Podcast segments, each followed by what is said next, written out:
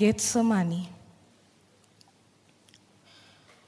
Lalu pergilah Yesus keluar kota dan sebagaimana biasa ia menuju Bukit Zaitun. Murid-muridnya juga mengikuti dia. Setelah tiba di tempat itu, ia berkata kepada mereka, "Berdoalah supaya kamu jangan jatuh ke dalam pencobaan." Kemudian ia menjauhkan diri dari mereka, kira-kira sepelempar batu jaraknya. Lalu ia berlutut dan berdoa. Katanya, Ya Bapakku, jikalau engkau mau, ambillah cawan ini daripadaku. Tetapi bukanlah kehendakku, melainkan kehendakmu lah yang terjadi. Maka seorang malaikat dari langit menampakkan diri kepadanya untuk memberi kekuatan kepadanya. Ia sangat ketakutan dan makin bersungguh-sungguh berdoa. Peluhnya menjadi seperti titik-titik darah yang bertetesan ke tanah. Lalu ia bangkit dari doanya dan kembali kepada murid-muridnya. Tetapi ia mendapati mereka sedang tidur karena duka cita. Katanya kepada mereka, "Mengapa kamu tidur? Bangunlah dan berdoalah, supaya kamu jangan jatuh ke dalam pencobaan." Yesus ditangkap. Waktu Yesus masih berbicara, datanglah serombongan orang. Sedang muridnya yang bernama Yudas seorang dari kedua belas murid itu berjalan di depan mereka. Yudas mendekati Yesus untuk menciumnya. Maka kata Yesus kepadanya, Hai Yudas, engkau menyerahkan anak manusia dengan ciuman. Ketika mereka yang bersama-sama dengan Yesus melihat apa yang akan terjadi. Berkatalah mereka, Tuhan, mestikah kami menyerang mereka dengan pedang? Dan seorang dari mereka menyerang hamba imam besar sehingga putus telinga kanannya. Tetapi Yesus berkata, "Sudahlah itu." Lalu ia menjamah telinga orang itu dan menyembuhkannya. Maka Yesus berkata kepada imam-imam kepala dan kepala-kepala pengawal bait Allah, serta tua-tua yang datang untuk menangkap dia, katanya, Sang kamu, aku ini penyamun. Maka kamu datang lengkap dengan pedang dan pentung. Padahal tiap-tiap hari Aku ada di tengah-tengah kamu, di dalam bait Allah. Dan kamu tidak menangkap aku. Tetapi inilah saat kamu. Dan inilah kuasa kegelapan itu. Lalu Yesus ditangkap dan dibawa dari tempat itu. Ia digiring ke rumah imam besar dan Petrus mengikut dari jauh. Di tengah-tengah halaman rumah itu orang memasang api dan mereka duduk mengelilinginya. Petrus juga duduk di tengah-tengah mereka. Seorang hamba perempuan melihat dia duduk dekat api. Ia mengamat-amatinya lalu berkata, "Juga orang ini bersama-sama dengan dia." Tetapi Petrus menyangkal, katanya, "Bukan, aku tidak kenal dia." Tidak berapa lama kemudian, seorang lain melihat dia lalu berkata, "Engkau juga seorang dari mereka." Tetapi Petrus berkata, "Bukan, aku tidak." Dan kira-kira sejam kemudian, seorang lain berkata dengan tegas, "Sungguh, orang ini juga bersama-sama dengan dia, sebab ia juga seorang Galilea." Tetapi Petrus berkata, "Bukan, aku tidak tahu apa yang engkau katakan." Seketika itu juga, sementara ia berkata, "Berkokoklah ayam." Lalu berpalinglah Tuhan, memandang Petrus. Maka teringatlah Petrus bahwa Tuhan telah berkata kepadanya, Sebelum ayam berkokok pada hari ini, engkau telah tiga kali menyangkal aku. Lalu ia pergi keluar dan menangis dengan sedihnya. Father, we want to come before your presence. Bapa, saat ini kami datang menghadapmu. Lord, we just pray that you will drive away darkness from this place. Tuhan kami sungguh memohon kau mengusir kegelapan dari tempat ini. So that truly our hearts will be open to hear your story again. Sehingga hati kami boleh sungguh-sungguh terbuka mendengar ceritamu kembali. And as we spend time at Gethsemane, may your, our hearts be broken just as Jesus' heart was broken. Dan sekali lagi ketika kami membaca cerita di Getsemani, kiranya hati kami boleh hancur terbuka seperti hati Yesus pada waktu itu. Lord, Tuhan, come and work among us. datanglah dan bekerjalah di antara kami. Holy Spirit, open all the doors of our ears, our eyes, our heart, Roh Kudus, bukalah seluruh pintu hati, mata, dan telinga kami. so that we may see and hear you and be still. Sehingga kami boleh melihat, mendengarmu, dan boleh diam. In Jesus' name we pray. Di dalam nama Yesus kami berdoa. Amen. Amin. Our journey, my friends, has brought us to this place. Perjalanan kita telah menyampaikan kita di tempat ini. Our journey began in the Sea of Gennesareth. Ingat perjalanan kita dimulai di pantai Danau Genesaret. And we went through many, many different places to Simon's house. Kita telah melewati berbagai banyak tempat. Rumah Simon. We went to the synagogue. Kita pergi ke sinagog. We looked at the story of the two sons who were lost. Kita melihat dua orang anak yang terhilang. But now, our journey is taking us into a very dark place. Dan sekarang perjalanan kita mengajak kita masuk ke tempat yang sangat gelap.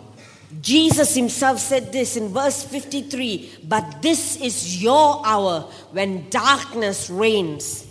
Yesus sendiri mengatakannya di ayat 53. Tetapi inilah saat kamu dan inilah kuasa kegelapan itu. It came to this because Kita bisa sampai di titik ini karena more and more people were falling in love with Jesus and his ministry really touched them.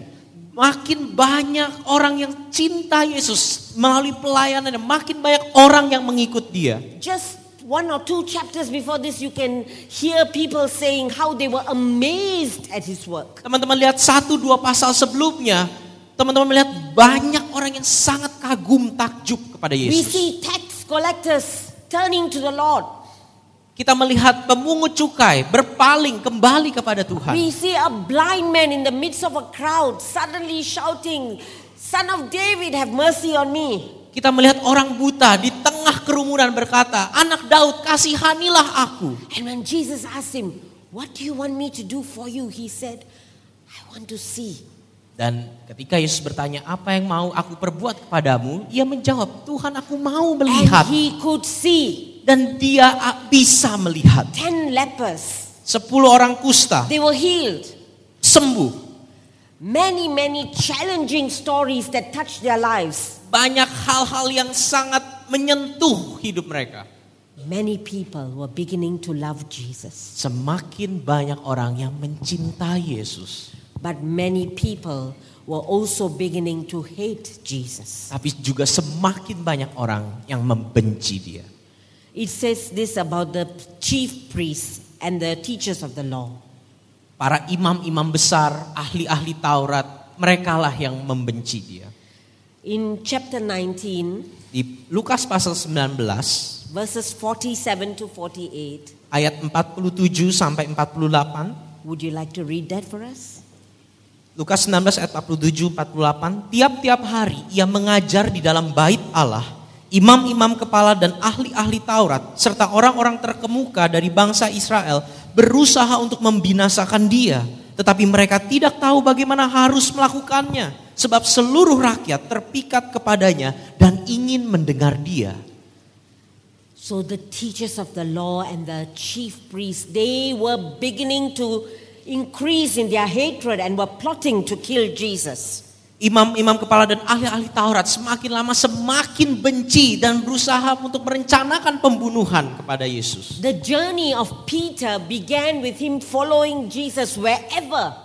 They left everything to follow him. Ingat perjalanan Petrus ketika pertama kali mengikut Yesus, ia meninggalkan segala sesuatu lalu mengikut dia. But now the journey was taking them to very dark places. Tapi sekarang perjalanan itu menuntun dia ke tempat yang sangat gelap. And really, everybody could feel the weight of this hour. Dan semua bisa merasakan masa-masa yang sangat penuh beban At Gethsemane, di Getsemani.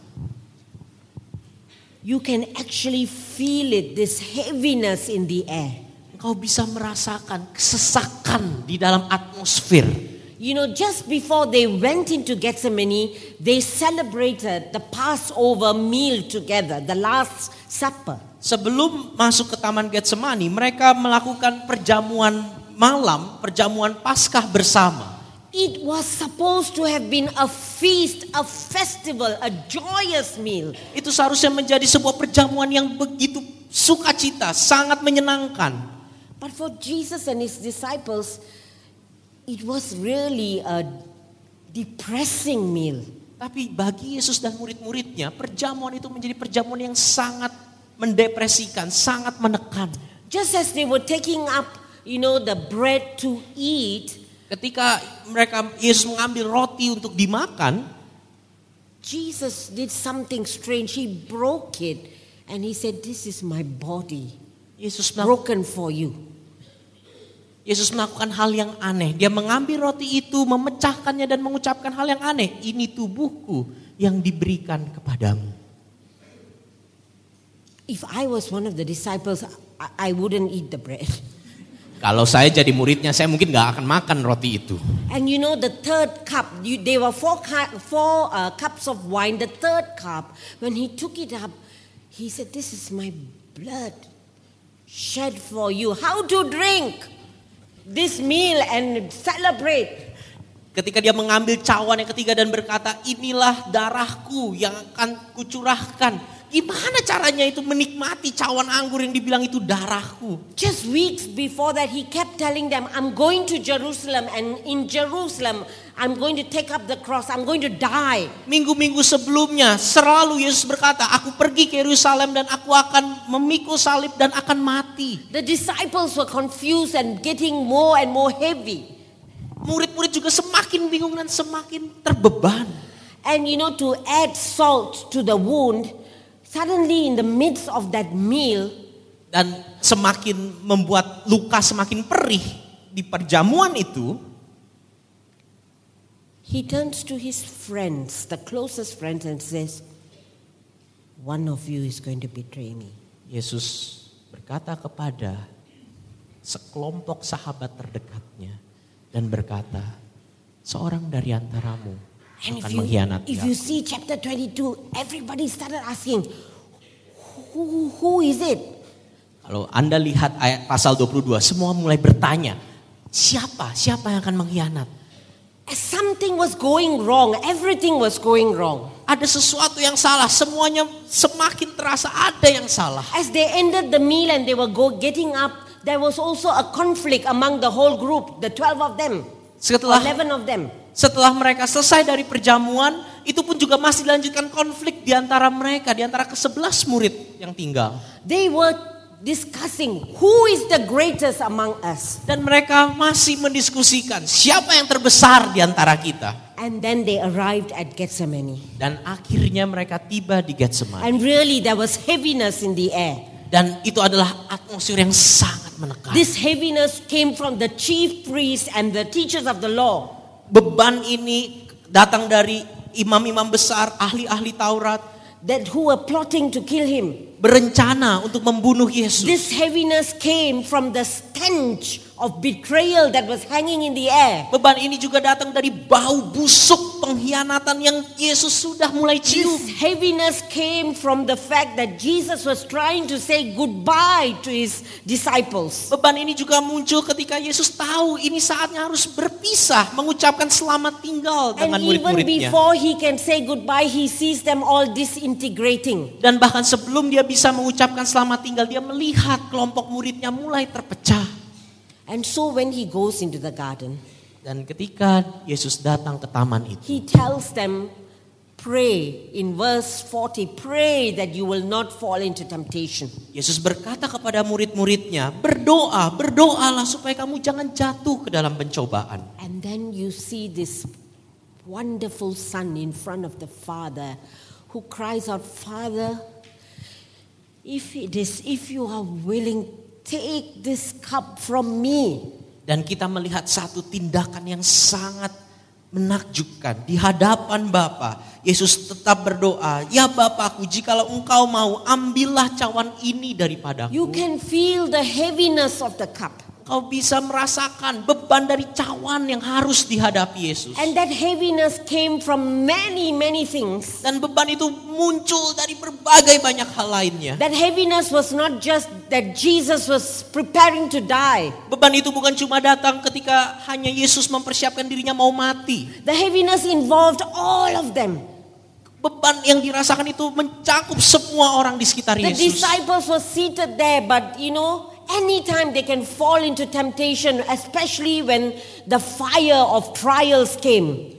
Murid-muridnya ada di situ, tapi kapan saja murid-muridnya itu siap bisa jatuh ke dalam godaan ketika tantangan And datang. the scriptures tell you they were sleep, asleep not because they were tired, actually, they were asleep because they were very sorrowful. Dan kau kalau lihat di di perikop, mereka tidur bukan karena kelelahan, mereka tidur karena sedih, kesedihan. If you have been depressed, you will understand this. Kalau engkau pernah mengalami depresi, engkau akan mengerti hal ini. When you are depressed, you just want to go into a dark corner, Kalau kau mengalami depresi, kamu pengen langsung ke pojok yang gelap, pull the blanket over you, ambil selimut atas dirimu, and just sleep and shut everything out. dan tidur dan lupakan semua yang lain. But the biggest weight of that cup, Tapi beban terbesar dari cawan yang dihadapi Yesus, that cup contained the evil of the whole world, and Jesus had to carry that cup. cawan itu menanggung semua dosa dan kebebalan dunia yang Yesus harus tanggung. It was his cup.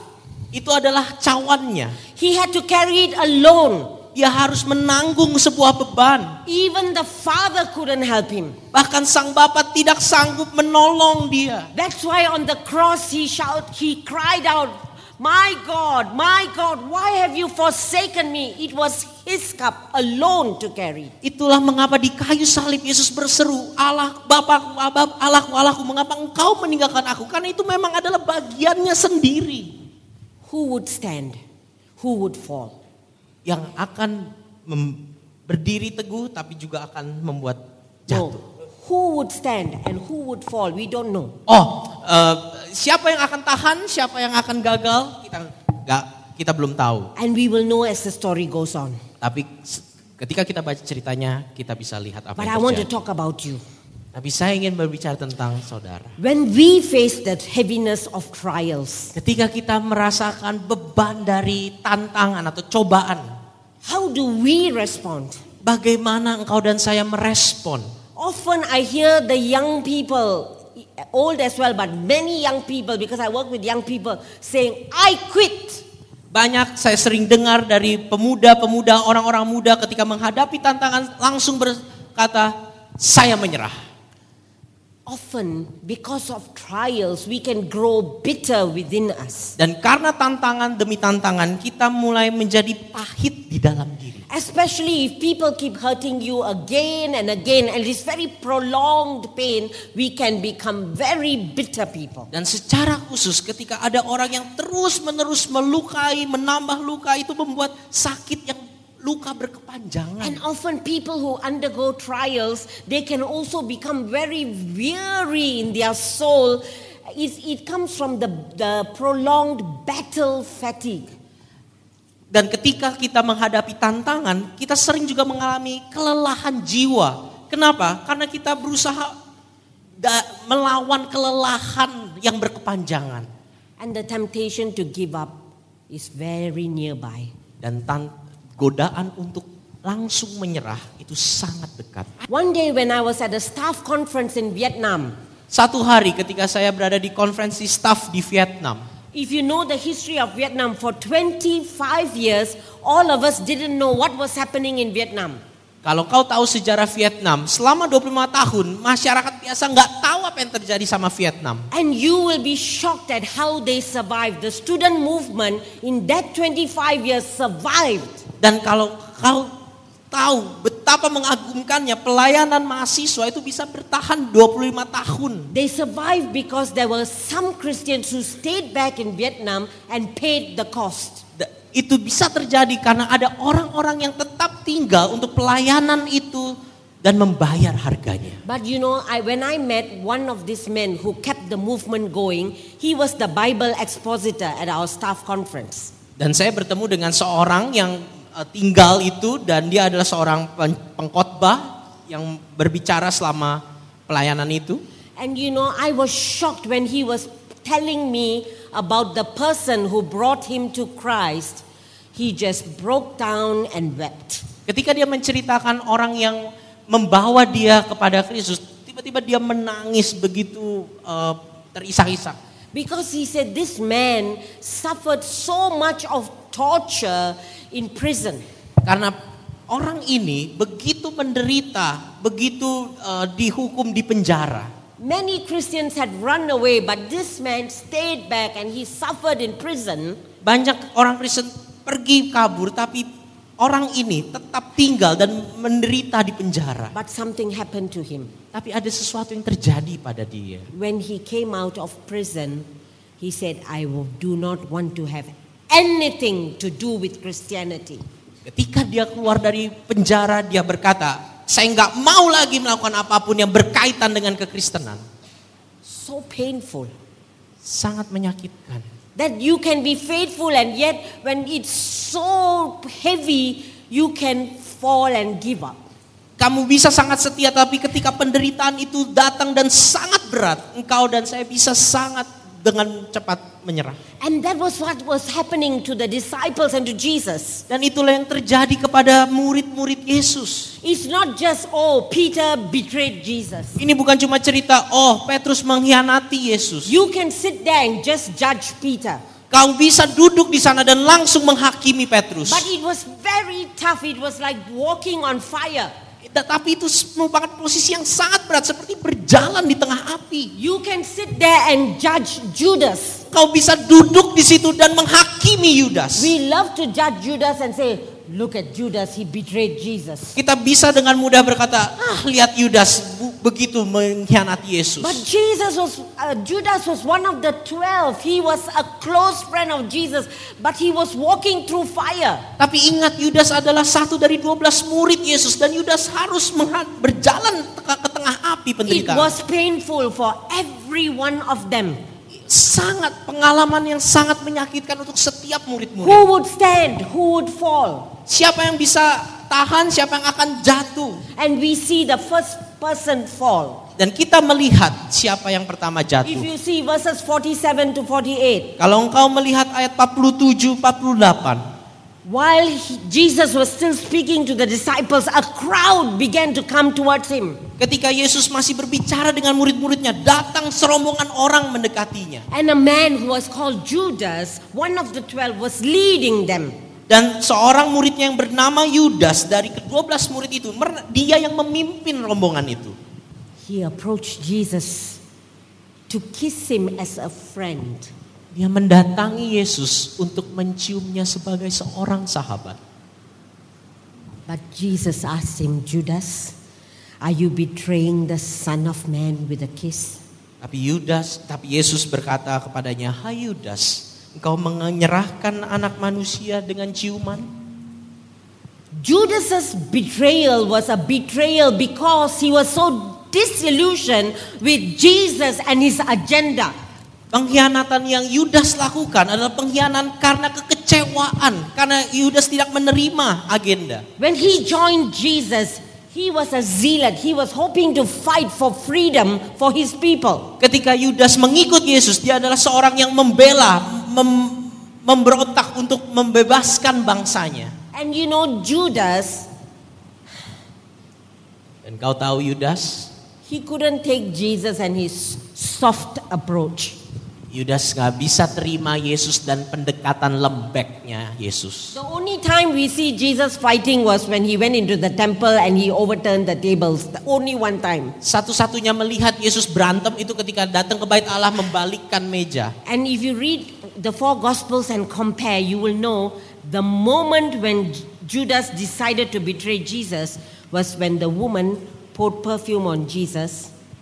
And he said, What a waste of money. And he walked out.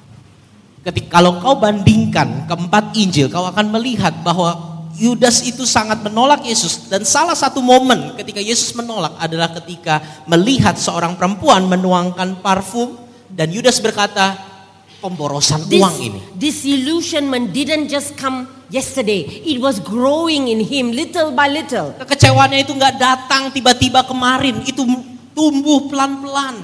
But all the while, he was pretending to be Jesus' friend. Tapi selama itu juga dia berpura-pura menjadi sahabat Yesus. In the Last Supper, Di dalam perjamuan terakhir, you are not told in the Last Supper who sat where in the supper. Kita tidak diberitahu siapa duduk di mana di dalam perjamuan terakhir. But all that we know is the, the table that they, they sit at is not like what in the paintings you see. That one is bluff. Eh, meja perjamuan yang kita tahu itu bukan seperti yang digambar, yang yang di- seperti di lukisan, bukan seperti itu. The, the, the meja is actually a U-shaped table. Meja yang dipakai perjamuan itu sebenarnya adalah bentuk U. And you know, starting at the U on this part, there will be one person there, and then the host, Jesus, will sit in the second position. Di dalam meja bentuk U, biasanya yang terjadi ada akan orang pertama duduk, kemudian tuan yang menjamu itu di posisi kedua. How do I know this? I read commentaries about Jewish culture. Okay, that's where you can get this from. I'm not making up the stories. Gimana cara saya tahu hal ini? Saya baca komentari dari kultur Yahudi. So Jesus is in second position. Yesus di posisi kedua. And always, because during the Passover meal, they will lie down like that. You know, lying. They will eat the meal lying down. Kalau dalam perjamuan ketika mereka makan itu mereka makan sambil berbaring. And you remember the story says that John leaned his head on Jesus. So that means John was in first position. Dan kalau kau ingat Yohanes mem- memiringkan kepalanya kepada Yesus itu menunjukkan Yohanes itu orang pertama. But usually the most important guest will sit on the left hand side of the host.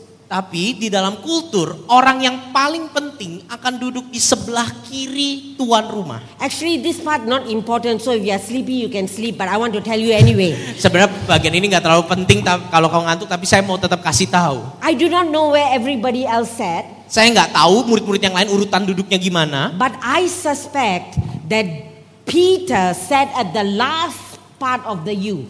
Tapi saya menduga Petrus duduk di posisi terakhir dari letter U. Why do I say so? Kenapa saya bisa berkata seperti itu? Because when Jesus said, One of you is going to betray me, Ketika karena ketika Yesus berkata salah seorang dari antaramu akan mengkhianatiku, that's why you should do Bible study. So interesting. itulah makanya kau harus PA itu sangat The menarik. scriptures say Peter leaned forward to John and said, Ask him Di- who will betray you. Di perikop itu dikatakan Petrus menghadap Yohanes dan berkata tanyakan kepada Yesus siapa yang akan mengkhianati. So I'm just suspecting it was Peter seated there. Dan ya saya hanya menduga Petrus duduk di hari- posisi terakhir. And then when what was Jesus' answer? If you look at uh, chapter 22, is uh, or the other Gospels, especially John, you look at the John Gospel, it says, Whoever I dip this bread and give it to, he will be the one who betrays me. And the, John uh, chapter 13 says, Jesus gave, dipped the bread and gave it to Judas. Dan kalau kau lihat apa yang terjadi setelah itu, Yesus mem, mem, memecah roti dan kemudian mencelupkan dan berkata, kepada orang yang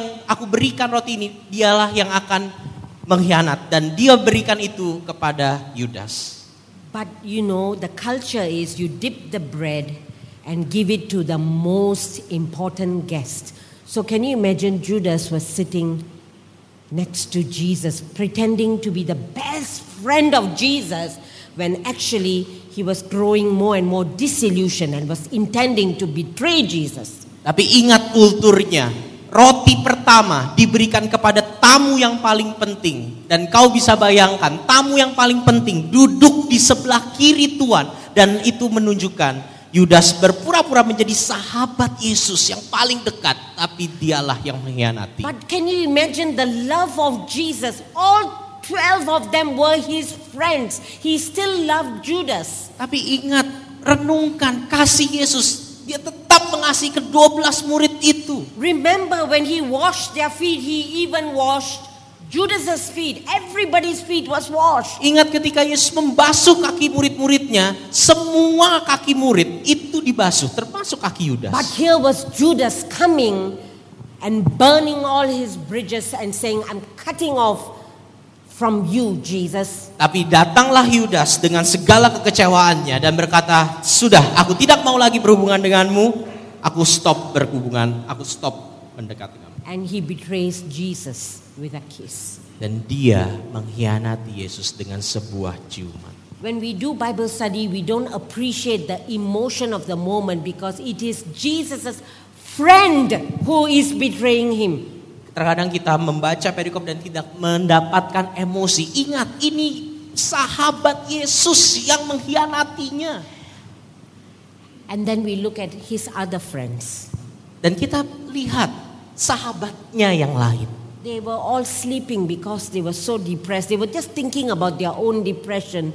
They're not thinking about Jesus and what he has to do. Mereka tertidur karena kesedihannya. Mereka hanya memikirkan diri sendiri. Mereka nggak memikirkan tentang apa yang Yesus katakan dari sebelumnya. And you know, I am a friend of Peter, so I get very angry when a lot of people say, you see, Peter always like to boast. Uh, Peter is like you and I.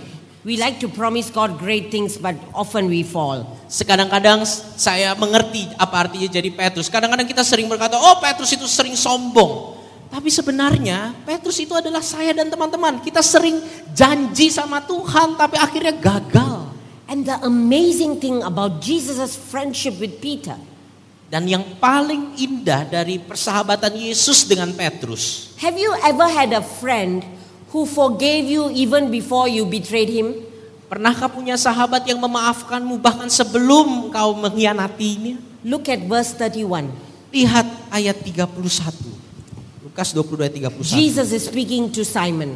Yesus berbicara kepada Simon. Simon, Simon, Satan has asked to sift all of you as wheat, but I've prayed for you that when your that your faith may not fail, and when you have turned back, strengthen your brothers. Ayat 22 ayat 31. Simon, Simon lihat, iblis telah menuntut untuk menampi kamu seperti gandum.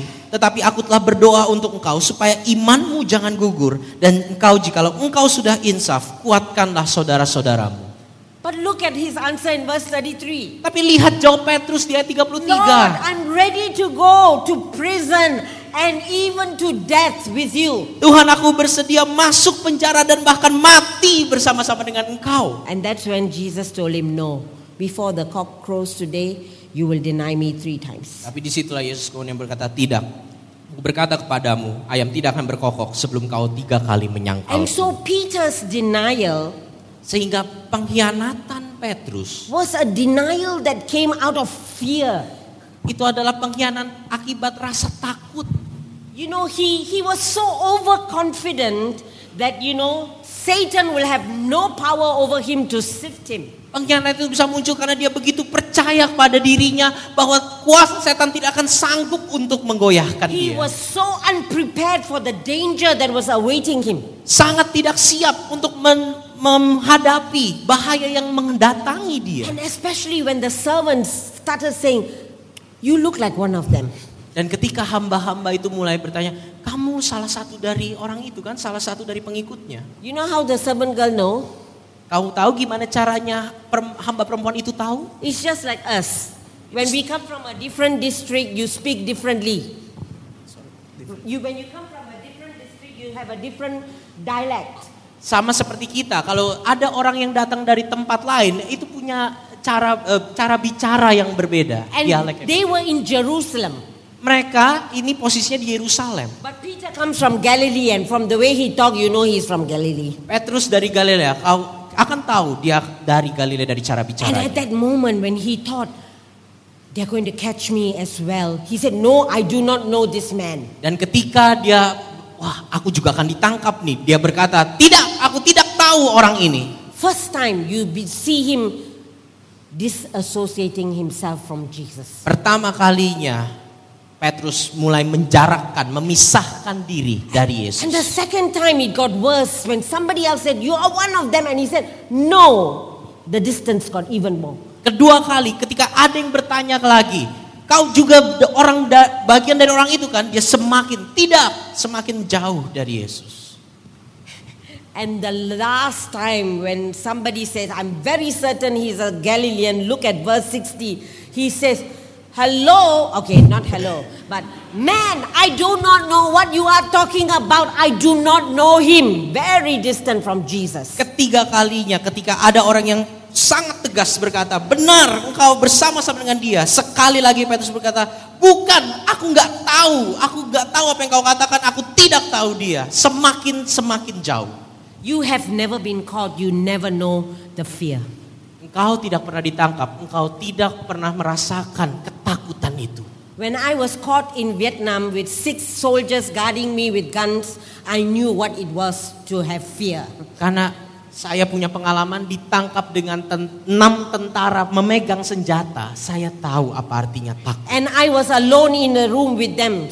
Saya sendirian di dalam sebuah ruangan dengan mereka. It started with two men with guns. Pertama-tama cuma dua orang dengan senjata. Ten minutes later, two more men with guns. 10 menit datang dua lagi dengan senjata. Do I look dangerous to you? Menurut saudara apakah saya terlihat berbahaya? And then ten minutes later, another two more men with 10 guns. menit datang lagi dua orang dengan senjata. If I can scream, I would have screamed. But in my heart, I was like, help! Kalau saya bisa teriak pada waktu itu saya udah teriak tapi dalam hati saya saya udah teriak-teriak tolong tolong. But outwardly, I pretend to be calm. Tapi secara, secara penampilan luar saya tetap menjaga tenang. And I was reading a storybook. Saya saya sambil baca cerita. I thank God the book was the right side up because I was not reading anything. Bukunya itu kebalik jadi sebenarnya saya juga nggak nggak baca apa-apa gitu. And asking God, "Uh, are they going to let me go? What's happening now? Saya bertanya, aduh ini gimana Tuhan kok nggak bisa bebas? Apa yang akan terjadi? The betrayal of denial can happen to you as well. Teman-teman, pengkhianatan, penolakan juga bisa terjadi kepada kita. But the worst, Tapi yang lebih parah, here was Jesus just having wrestled with taking up the cross, uh, the cup. Yesus sedang bergumul untuk men- meminum cawan yang harus dia miliki. It was already heavy enough. Itu beban yang sangat sudah sangat berat. But in this moment of seeing his friend Judas, seeing his friend Peter, the rest had all run away as well. Tapi di momen ini dia melihat sahabatnya Yudas, dia melihat sahabatnya Petrus, yang lain juga udah kabur ke mana-mana. It was very painful, painfully lonely for Jesus. Bagi Yesus ini adalah sebuah kesakitan sang, yang sangat sendirian, sangat hampa, sangat sepi. It was a journey where he had to walk alone. Itu adalah sebuah perjalanan di mana pada momen itu dia harus berjalan In sendirian. the face of abandonment, Menghadapi pen- pengabaian, in the face of betrayal, menghadapi pengkhianatan, in the face of having to carry his cross. menghadapi salib yang harus ia tanggung. Three people Tiga pribadi. Judas, Yudas, Peter, Petrus, Jesus. Yesus. All facing the same fire. Semua mengalami penderitaan yang sama. And each one going through the journey differently. Tetapi setiap mereka melalui perjalanan itu berbeda. But I want to continue the story. Tapi saya mau melanjutkan cerita kita. You can see from uh, verses, uh, the words that Jesus speaks to the chief priests. Kau bisa melihat perkataan Yesus kepada imam-imam besar. This is your hour when darkness reigns. 53. Tetapi inilah saat kamu dan inilah kuasa kegelapan itu. There was no turning back for Jesus. He had already decided he will humbly surrender. Tidak ada jalan balik buat Yesus. Bagi Yesus dia tahu ini saatnya penyerahan diri dengan penuh kerendahan. My friends, I really need you to look at Jesus. Teman-teman, saya ingin mengajak engkau sungguh-sungguh melihat Yesus. Sometimes we are tired of hearing about the cross. Kadang-kadang kita capek dengar cerita salib, But the cross or the cup of Jesus tetapi salib, cawan Yesus is the cup adalah cawan, of the love of a son for his father. Adalah cawan kasih sayang seorang anak kepada bapaknya. Jesus only took up that cup because he loved his father. Yesus memutuskan untuk menerima cawan itu karena kasihnya kepada sang bapa. On the cross, he knew that he would be the sacrifice. Di kayu salib dia tahu betul dirinya akan menjadi korban. On the cross, he knew he would be the scapegoat. Di kayu salib dia tahu betul dirinya adalah sang kambing hitam. paying for all the sins of the world. Mem- menanggung semua kesakitan seluruh dunia. And Jesus said, I will because I love you, Father. That was his prayer. Yesus berkata, tapi aku mau karena aku mencintai Bapa. And I need to explain to you a little bit about the scapegoat and the sacrifice, uh, sacrificial lamb. Dan saya mau, saya perlu menjelaskan saudara tentang eh, kambing hitam tentang korban lembu In korban. Old Testament practice for atonement for sins, Di dalam praktik perjanjian lama untuk eh, pengampunan dosa, you are supposed to bring two live kambing. engkau harus membawa dua ekor kambing. One for the sacrifice, you will slaughter it, and then you will, the blood will be sprinkled all over the altar and over yourselves. Satu itu disembeli dan kemudian darahnya itu dicipratin ke altar dan kepada dirimu sendiri. And Jesus fulfilled that by the shedding of his blood. Dan Yesus memenuhi eh, penggenapannya itu ketika dia membagikan roti. But you know, Jesus fulfilled everything prophesied in Old Testament as well. Tapi ingat Yesus juga menggenapi seluruh nubuatan yang dibuat dalam perjanjian lama. There was this second goat that never died. Ada kambing kedua yang sebenarnya tidak mati. It will be brought before the priest alive. Itu akan dibawa ke imam hidup-hidup. And the priest will lay both his hands on the goat.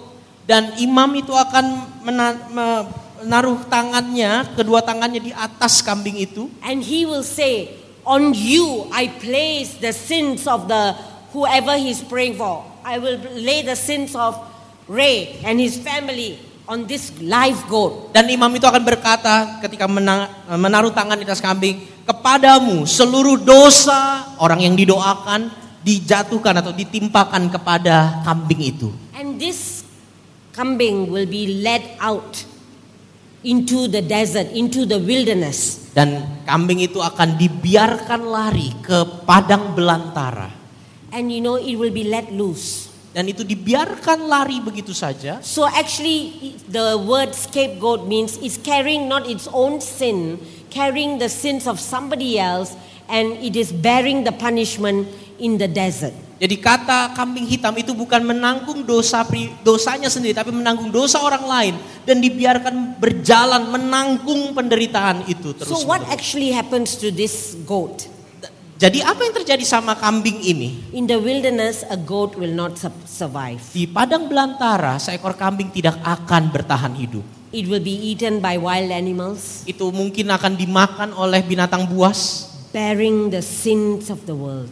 Membawa, memikul dosa dari dunia. And I want to tell you, Jesus fulfilled that as well. Dan saya ingin memberitahu saudara, Yesus pun menggenapi bagian itu. Because the scriptures say when Jesus carried his cross, they went to a place called Mount Golgotha. And Mount Golgotha was outside of the city gates, outside of Jerusalem, out there. Dan ketika kau akan lihat ketika Yesus harus menanggung dosa itu, Yesus menggenapinya.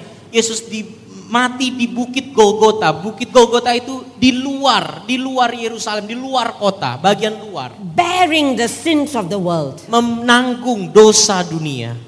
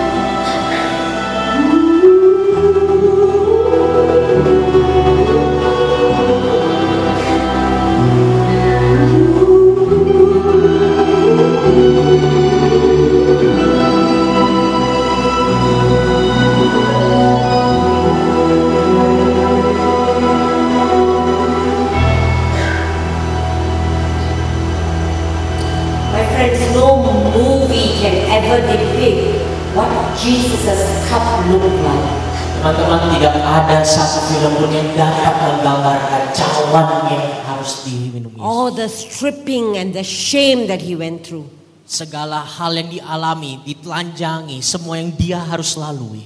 My friends, Teman-teman, the cup of Jesus, the heaviest part was that he carried your sins and mine. bagian yang paling berat dari cawan Yesus adalah dia menanggung dosa saya dan teman-teman. But even the lesser parts you will not ever be able to carry. Tapi bagian yang lebih kecil pun engkau dan saya tidak dapat menanggungnya. Movies will always de- de- depict Jesus as fully clothed.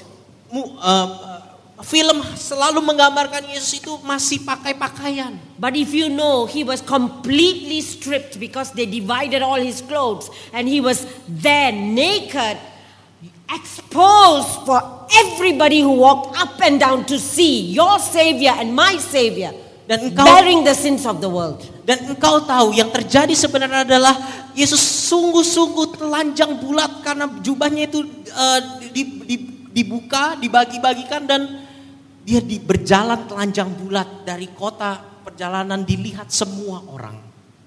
In the movie, you see the nails being put inside his palm. That is not the right place. Kalau kau lihat di film pakunya ditaruh di bagian telapak itu bukan tempat yang tepat. The Jew, the, the Romans had perfected the best way to inflict torture on people. Eh, orang Romawi telah menemukan cara terbaik untuk melukai orang. So the, the nails would have gone in here where the nail, uh, where the veins are. So immediately the nails go, the pain will shoot everywhere.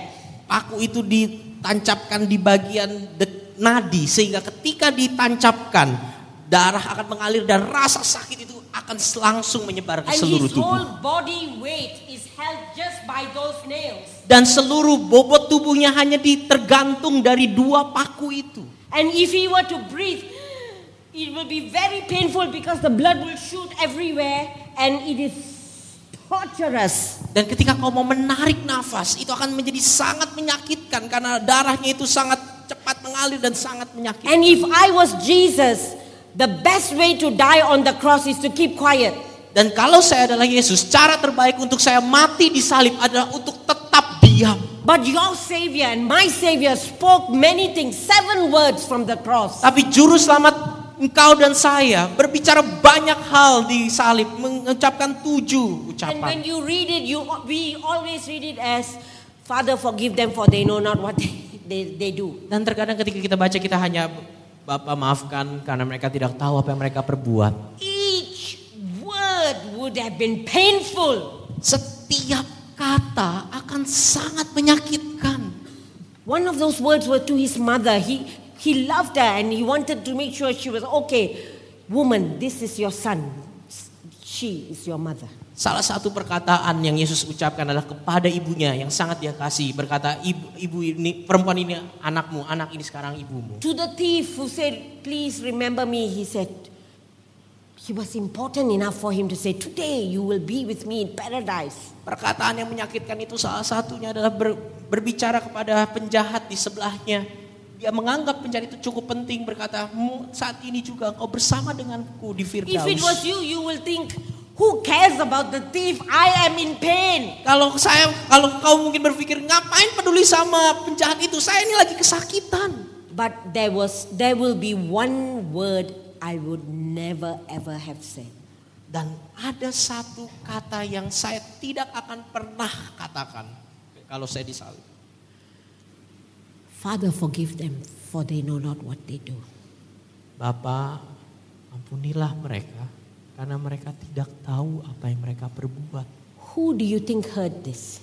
Menurutmu siapa yang mendengar The crowd there itu? were all angry with him. Seluruh kerumunan itu marah sama Yesus. Remember, his disciples had all run away, so there were a few women and maybe John there. Murid-muridnya udah pergi semua, hanya tinggal perempuan dan mungkin Yohanes. He was speaking this to the enemies, to the chief priests, to the teachers of the law, and all those who put him on the cross. Dia mengatakan hal-hal ini kepada imam besar, ahli Taurat, semua yang berusaha untuk membunuh dia. Why does he need to speak that words? Kenapa dia perlu mengatakan kata-kata itu? Because already three days after this, some of them will be so guilty and they cannot bear the guilt, and they needed to hear that he had already forgiven them. Karena tiga hari setelah ini ada beberapa di antara mereka yang sangat merasa bersalah, sadar sehingga mereka perlu ingat, dengar, ada pengampunan yang sudah diberikan.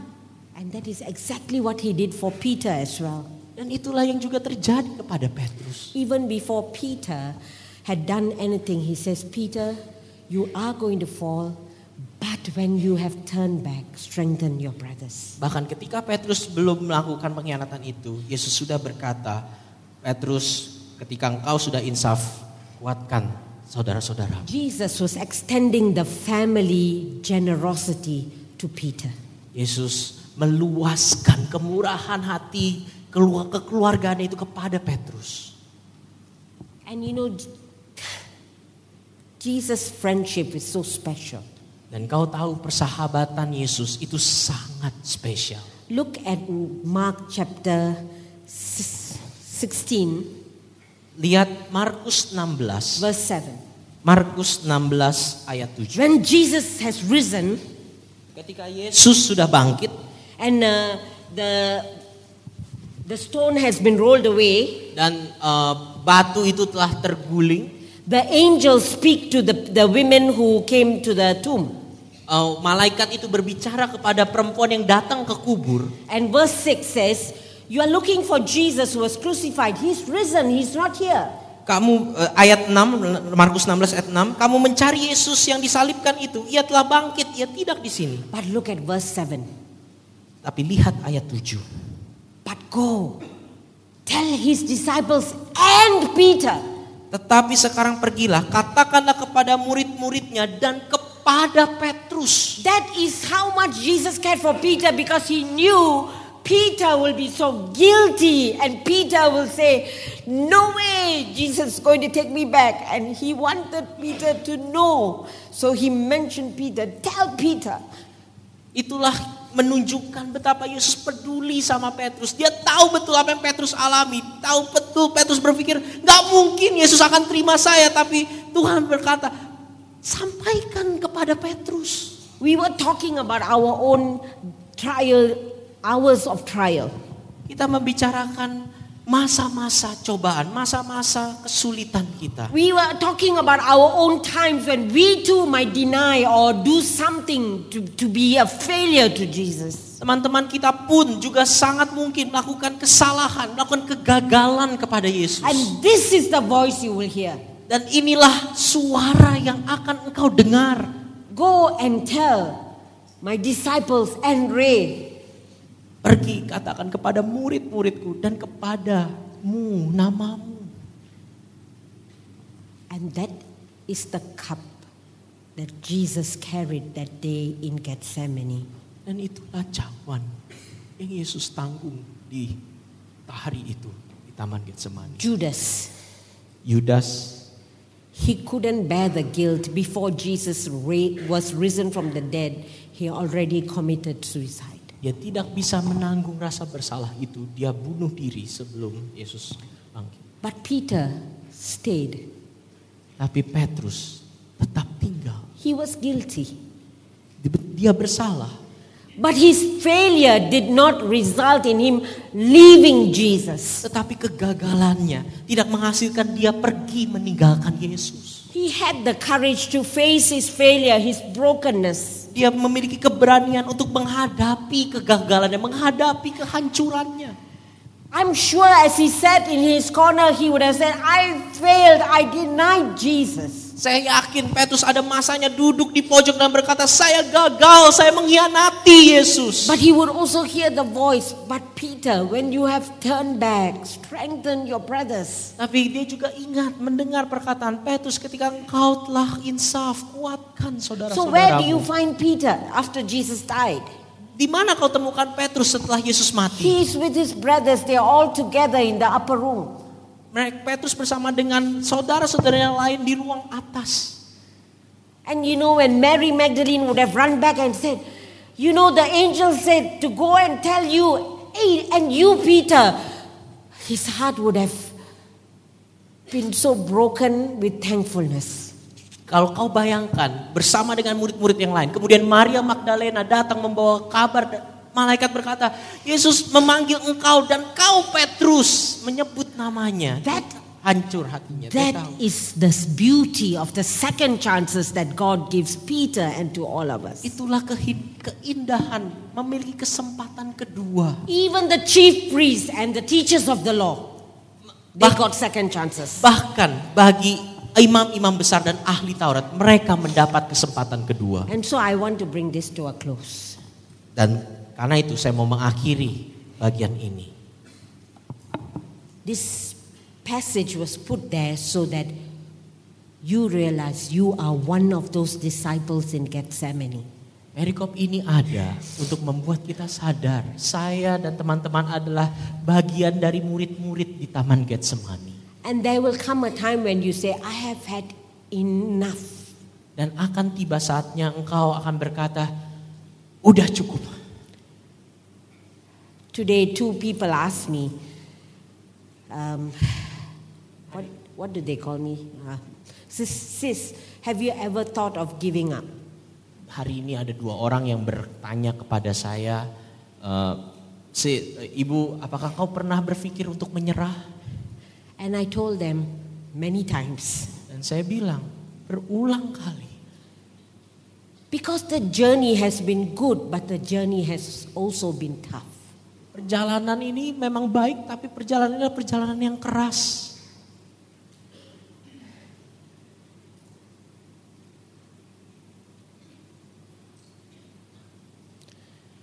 But every time I say, No more, Lord, Tapi setiap kali saya berkata, udah nggak lagi Tuhan. I hear the same echo that Peter heard. When you have turned back, strengthen your brothers. Saya mendengar gema suara sama seperti yang Petrus dengar. Jika engkau insaf, kuatkan saudara-saudaramu.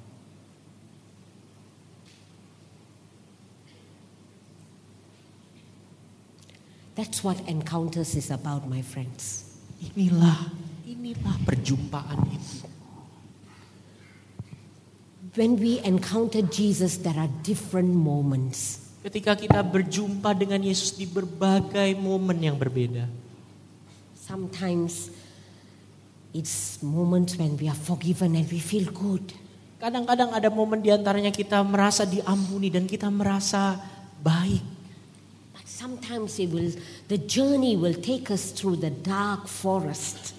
Tapi akan ada tiba waktunya, perjalanan itu akan membawa engkau masuk ke dalam hutan yang gelap. Actually, my darkest time was not when I was being held by six soldiers in Vietnam. Sesungguhnya pengalaman terburuk saya itu bukan waktu saya di- dikepung oleh enam tentara di Vietnam. That was not okay. Itu pengalaman ya ya oke.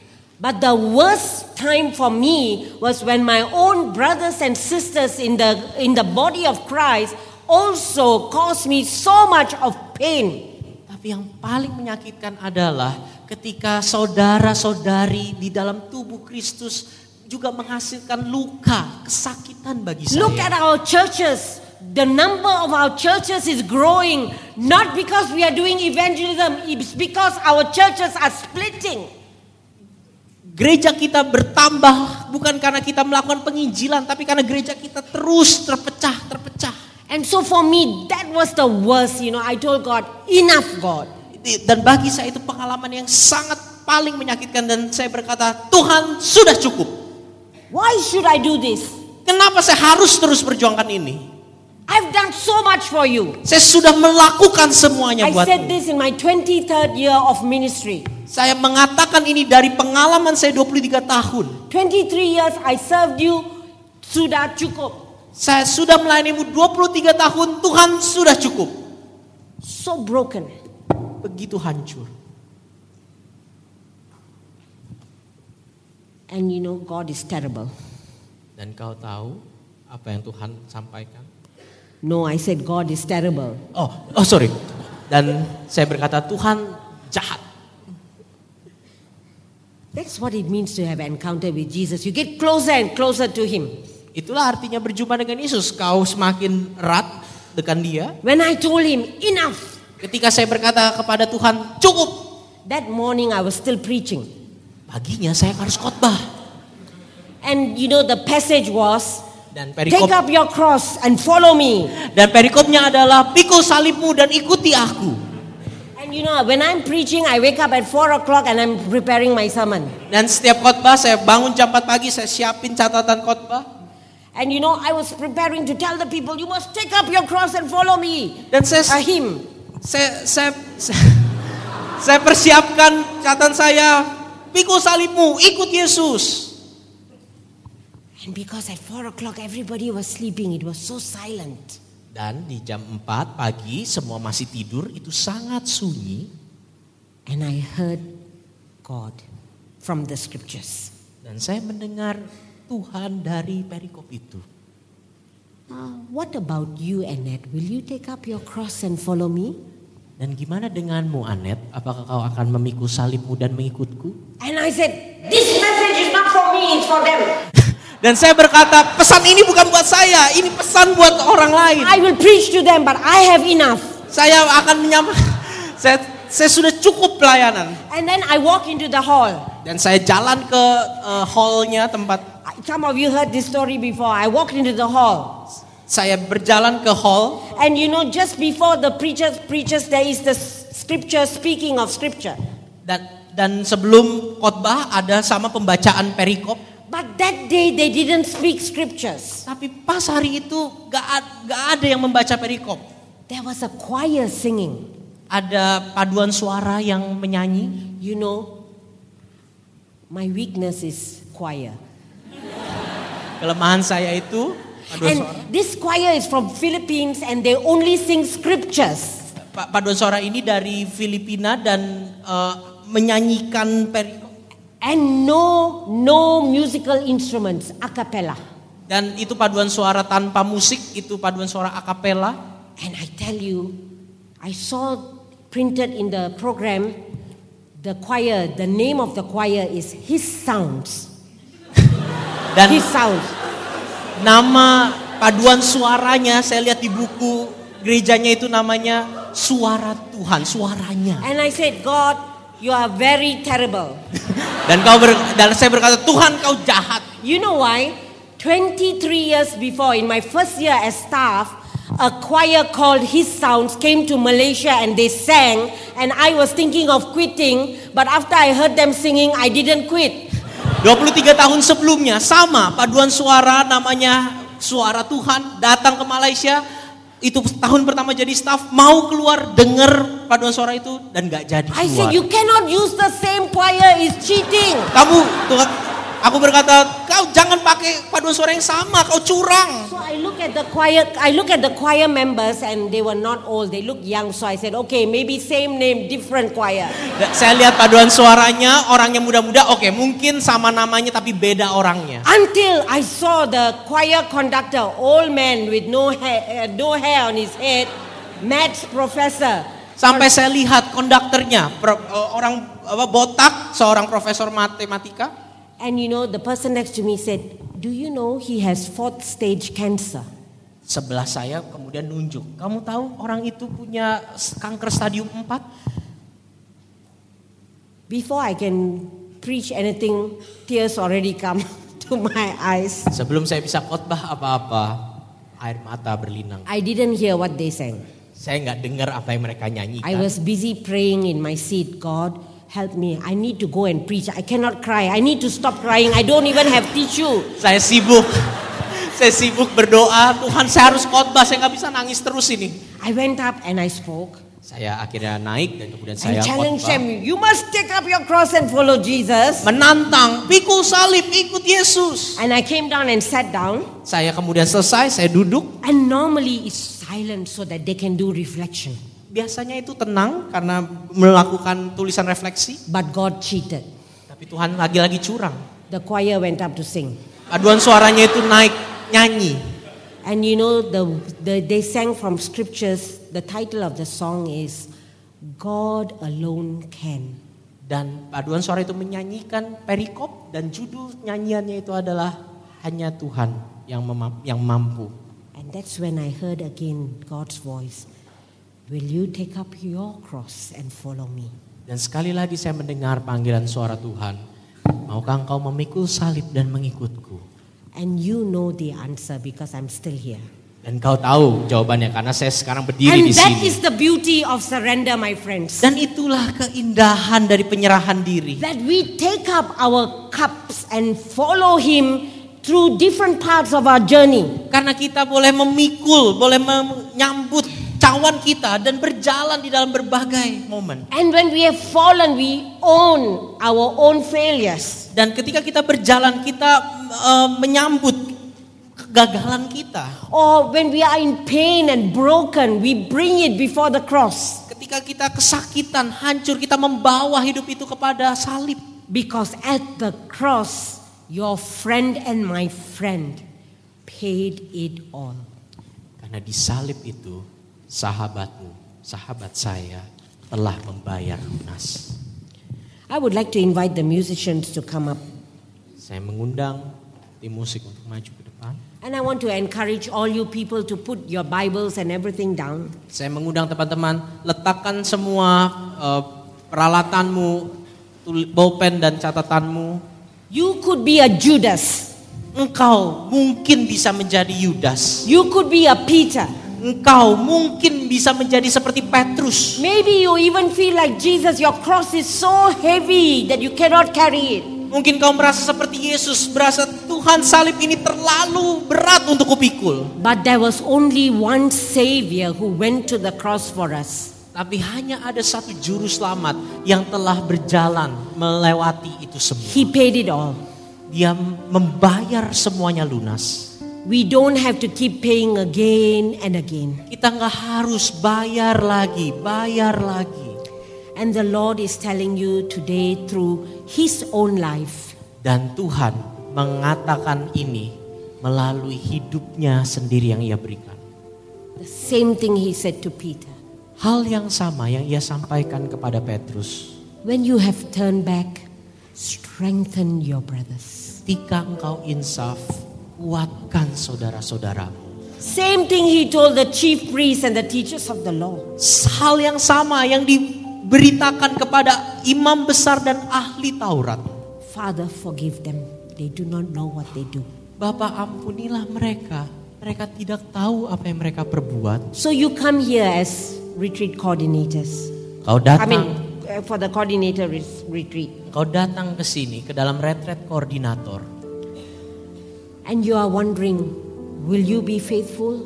dan kau bertanya, apakah saya bisa setia? You'll be wondering, should I continue? Kau mungkin bertanya, haruskah saya tetap lanjut? I feel tired. Saya lelah. You might be wondering, but I denied Jesus to my friends. Engkau mungkin akan bertanya, apakah saya juga nanti suatu saat menyangkal Yesus di hadapan teman-teman saya? Look at the cross again and again, Pandanglah kepada salib lagi dan lagi. and you have your answer. Dan kau dapat jawaban itu. He paid with his blood the sacrifice of blood. Dia membayar dengan darahnya, darah pengorbanan itu. And he carried on him the weight of the world as a scapegoat. Dan dia menanggung seluruh beban dunia sebagai kambing hitam.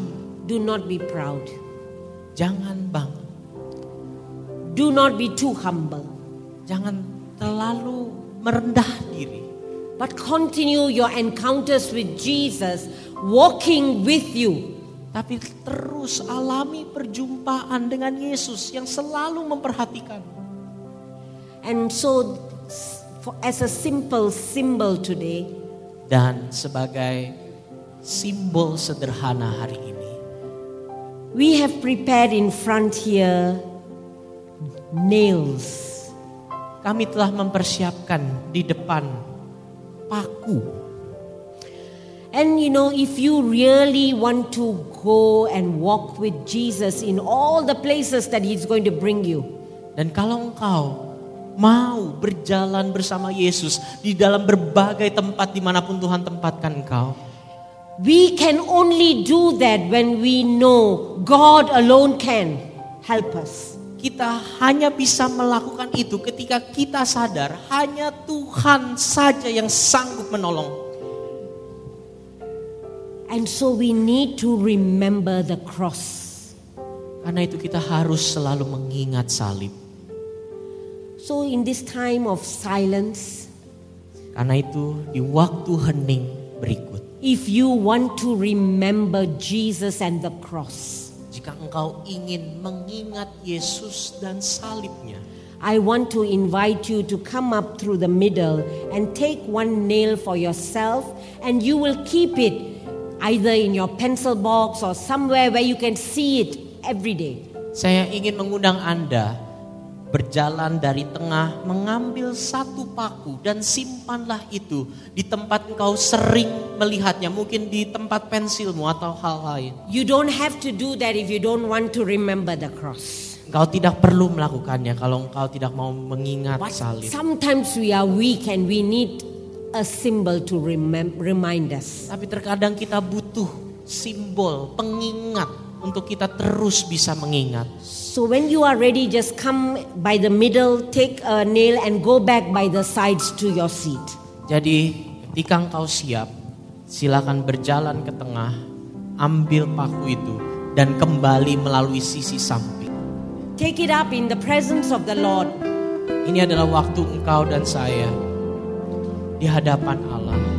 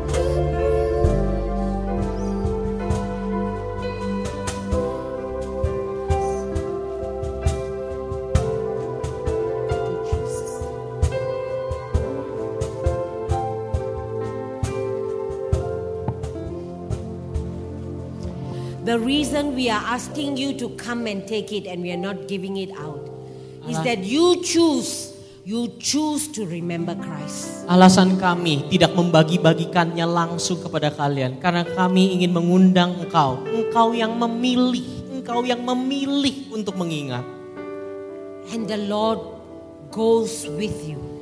dan Tuhan bersamamu.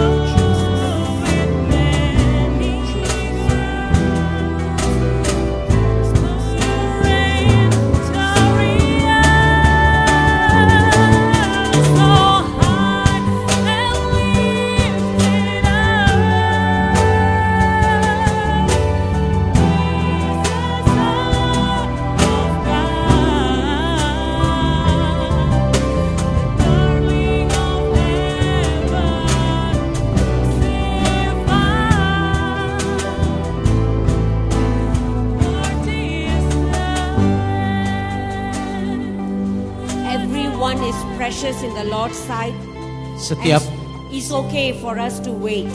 setiap orang berharga di mata Tuhan dan gak apa-apa untuk engkau yang For menunggu. those of you who have already taken your nail, Bagi engkau yang sudah mengambil pakumu, feel it in your hands rasakan paku itu di tanganmu and speak with your Lord and your God. dan berbicaralah kepada Tuhan dan Allahmu. That as you continue this journey, Seiring kau terus berjalan di dalam perjalanan ini, that you would be like Peter, even when you fall, you will keep going. engkau bisa seperti Petrus yang meskipun engkau jatuh, engkau masih tetap bisa terus berlanjut. So spend this time just talking with your God. Habiskan waktu ini berbicara dengan Tuhanmu. This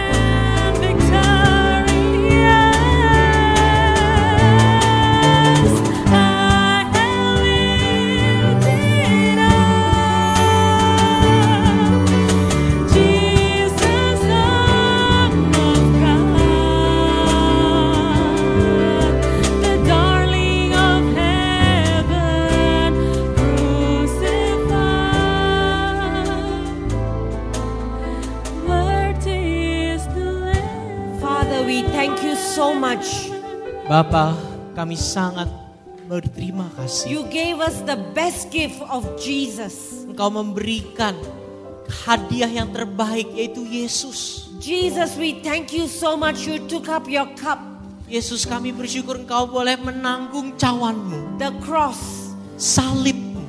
You paid it all. Engkau telah membayar lunas semuanya. Indeed, God alone can. Dan benar hanya Tuhan yang sanggup. And Holy Spirit, we thank you that you go with us into all the places we go, Dan roh kudus kami bersyukur karena engkau menyertai kami ke mana pun tempat kami pergi. strengthening us, Menguatkan kami. drawing us back from sin. Membawa kami kembali dari dosa kami. Lord, as we just remember you, keep, keep, keep yourself in our hearts, Lord.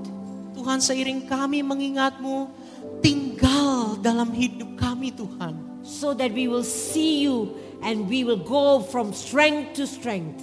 Karena kami mau berjalan bersamamu, berjalan dari kekuatan demi kekuatan yang Tuhan anugerahkan.